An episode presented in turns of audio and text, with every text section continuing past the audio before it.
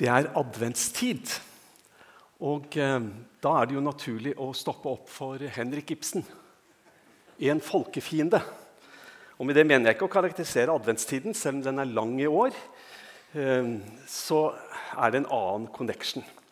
Og du vet, jeg har lyst til å Av alle de stykker som Ibsen har skrevet, så er jo 'En folkefiende' kanskje en av de som mange kjenner. Jeg leste den første gang i voksen alder og syntes det var veldig spennende å skjønne mer om bakgrunnen for eh, nettopp uttrykket. Og også konklusjonen om at man er aldri så sterk som når man står alene. Og jeg, jeg må gi dere et viktig sitat her fra doktor Stockmann. Han skriver Ja, men det vil dere aldri i verden kunne gjøre så lenge dere farer med fusk og flikkverk. Jeg sier deg, Peter, og det er min fulleste og rammeste overbevisning. Tenk det. Og så erkjenner jo jeg at ingen av dere har sannsynligvis nylig lest sammenhengen. Ingen av dere husker kanskje hva byfogden svarer på disse anklagene. Jeg har jo skjønt det går ikke an å bare gå rett inn i en samtale eller en situasjon og tenke at det, da er man helt med på notene uten å ha vært med på det som skjedde før, og, og uten å kjenne til noen ting av hele storyen. Og sånn blir dere kasta ut nå. Dere får bare et sitat. Jeg kunne ha tatt hva som helst. Det blir like meningsløst for alle sammen. Det er jo tatt helt ut av sin sammenheng. Og Sånn tenker jeg mange opplever selve dette med jula. Man, man, man, altså, man, hører om hyrder og man hører om engler, krybbe og kanskje et esel og vise menn og Herodes sin grusomhet. Man får øyeblikksbildet av et lite barn i en krybbe der i stallen. Og så tenker mange at sånn er det det begynner. Og så er det jo ikke sånn. Dette her er langt inne i historien. Ofte så får ikke folk med seg hva det dreier seg om. For den type øyeblikksbilde er det eneste man hører. Og da blir det jo nokså meningsløst hvis det er hele budskapet man får.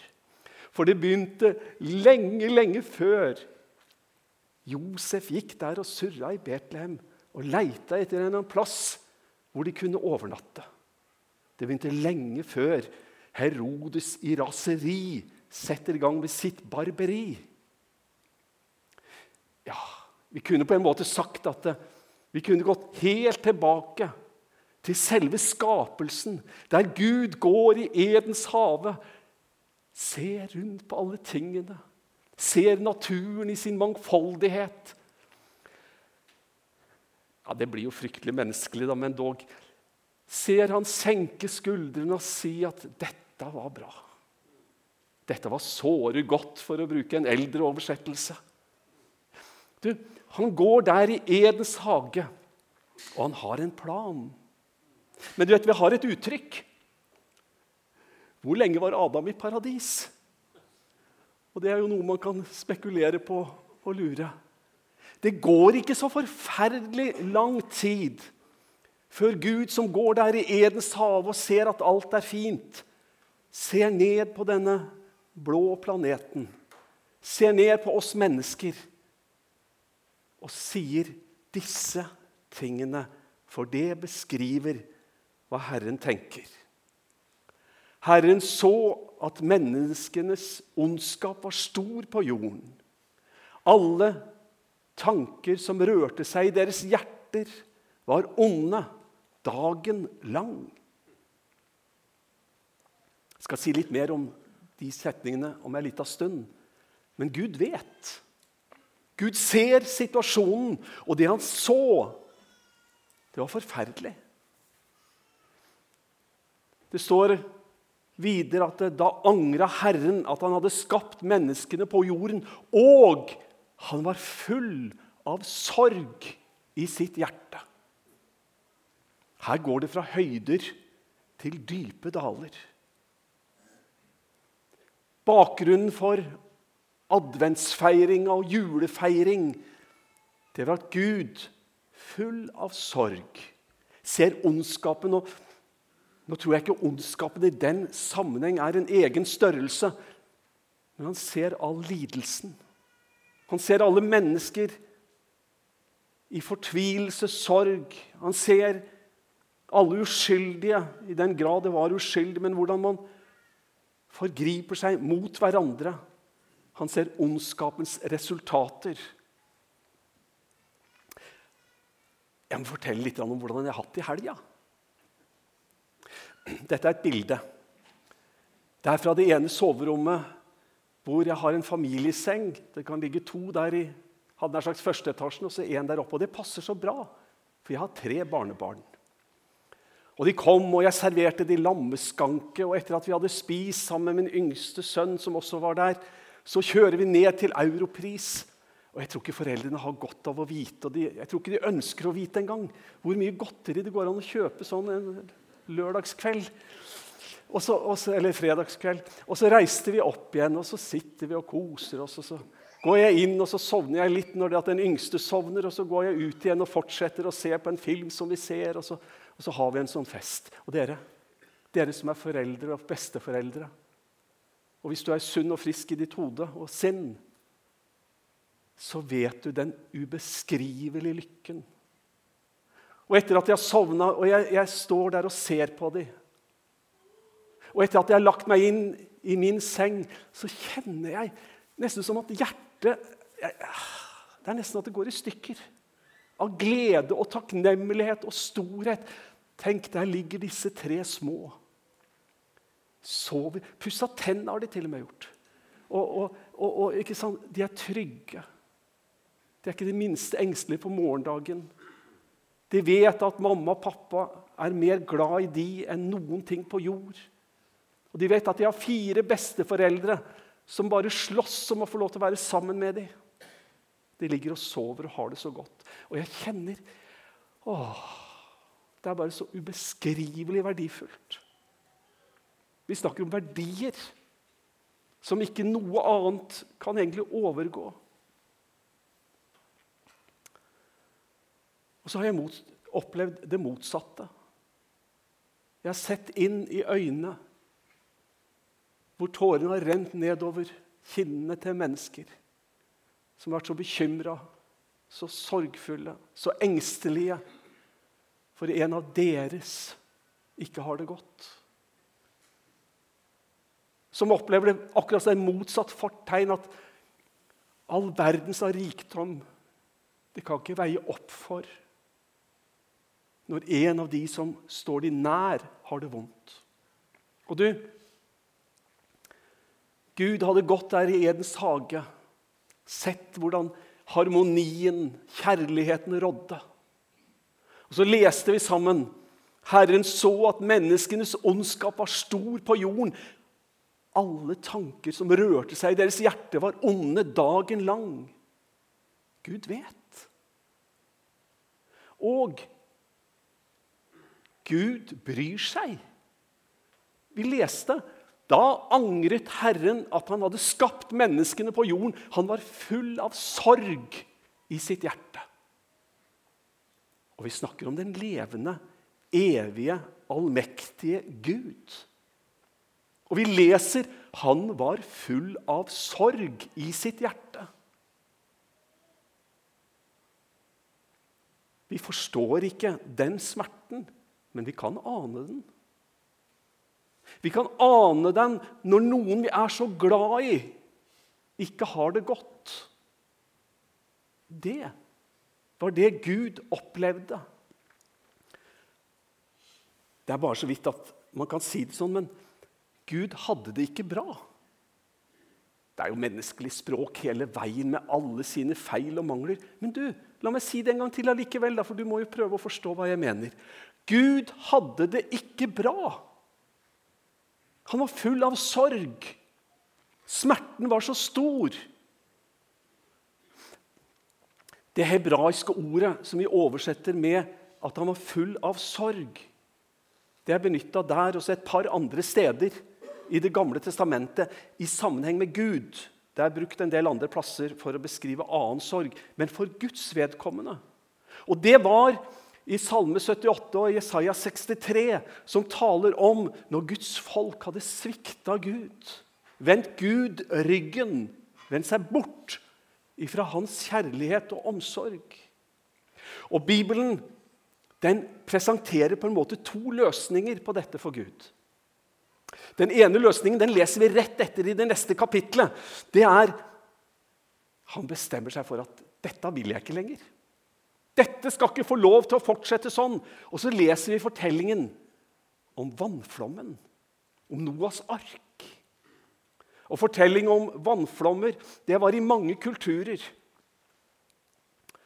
Og de hadde veldig mange likhetstrekk med fortellingen i Bibelen i begynnelsen. Og så blir den helt annerledes mot slutten. Blant de hedenske folkene så var det teorier om at en av gudene, eller kanskje mange av gudene, var blitt gått sure og lei og så bestemmer seg for å utslette alle sammen, unntatt noen ganske få.